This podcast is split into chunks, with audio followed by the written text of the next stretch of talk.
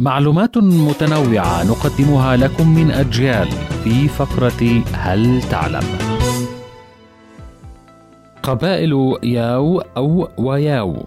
هي مجموعة عرقية تعيش على الجانب الجنوبي من بحيرة ملاوي وتمتد القبائل التي تصل حاليا إلى 2 مليون نسمة في ثلاث دول هي ملاوي وموزمبيق وتنزانيا. يعني اسم ياو أهل التل. أو القادمون من التل.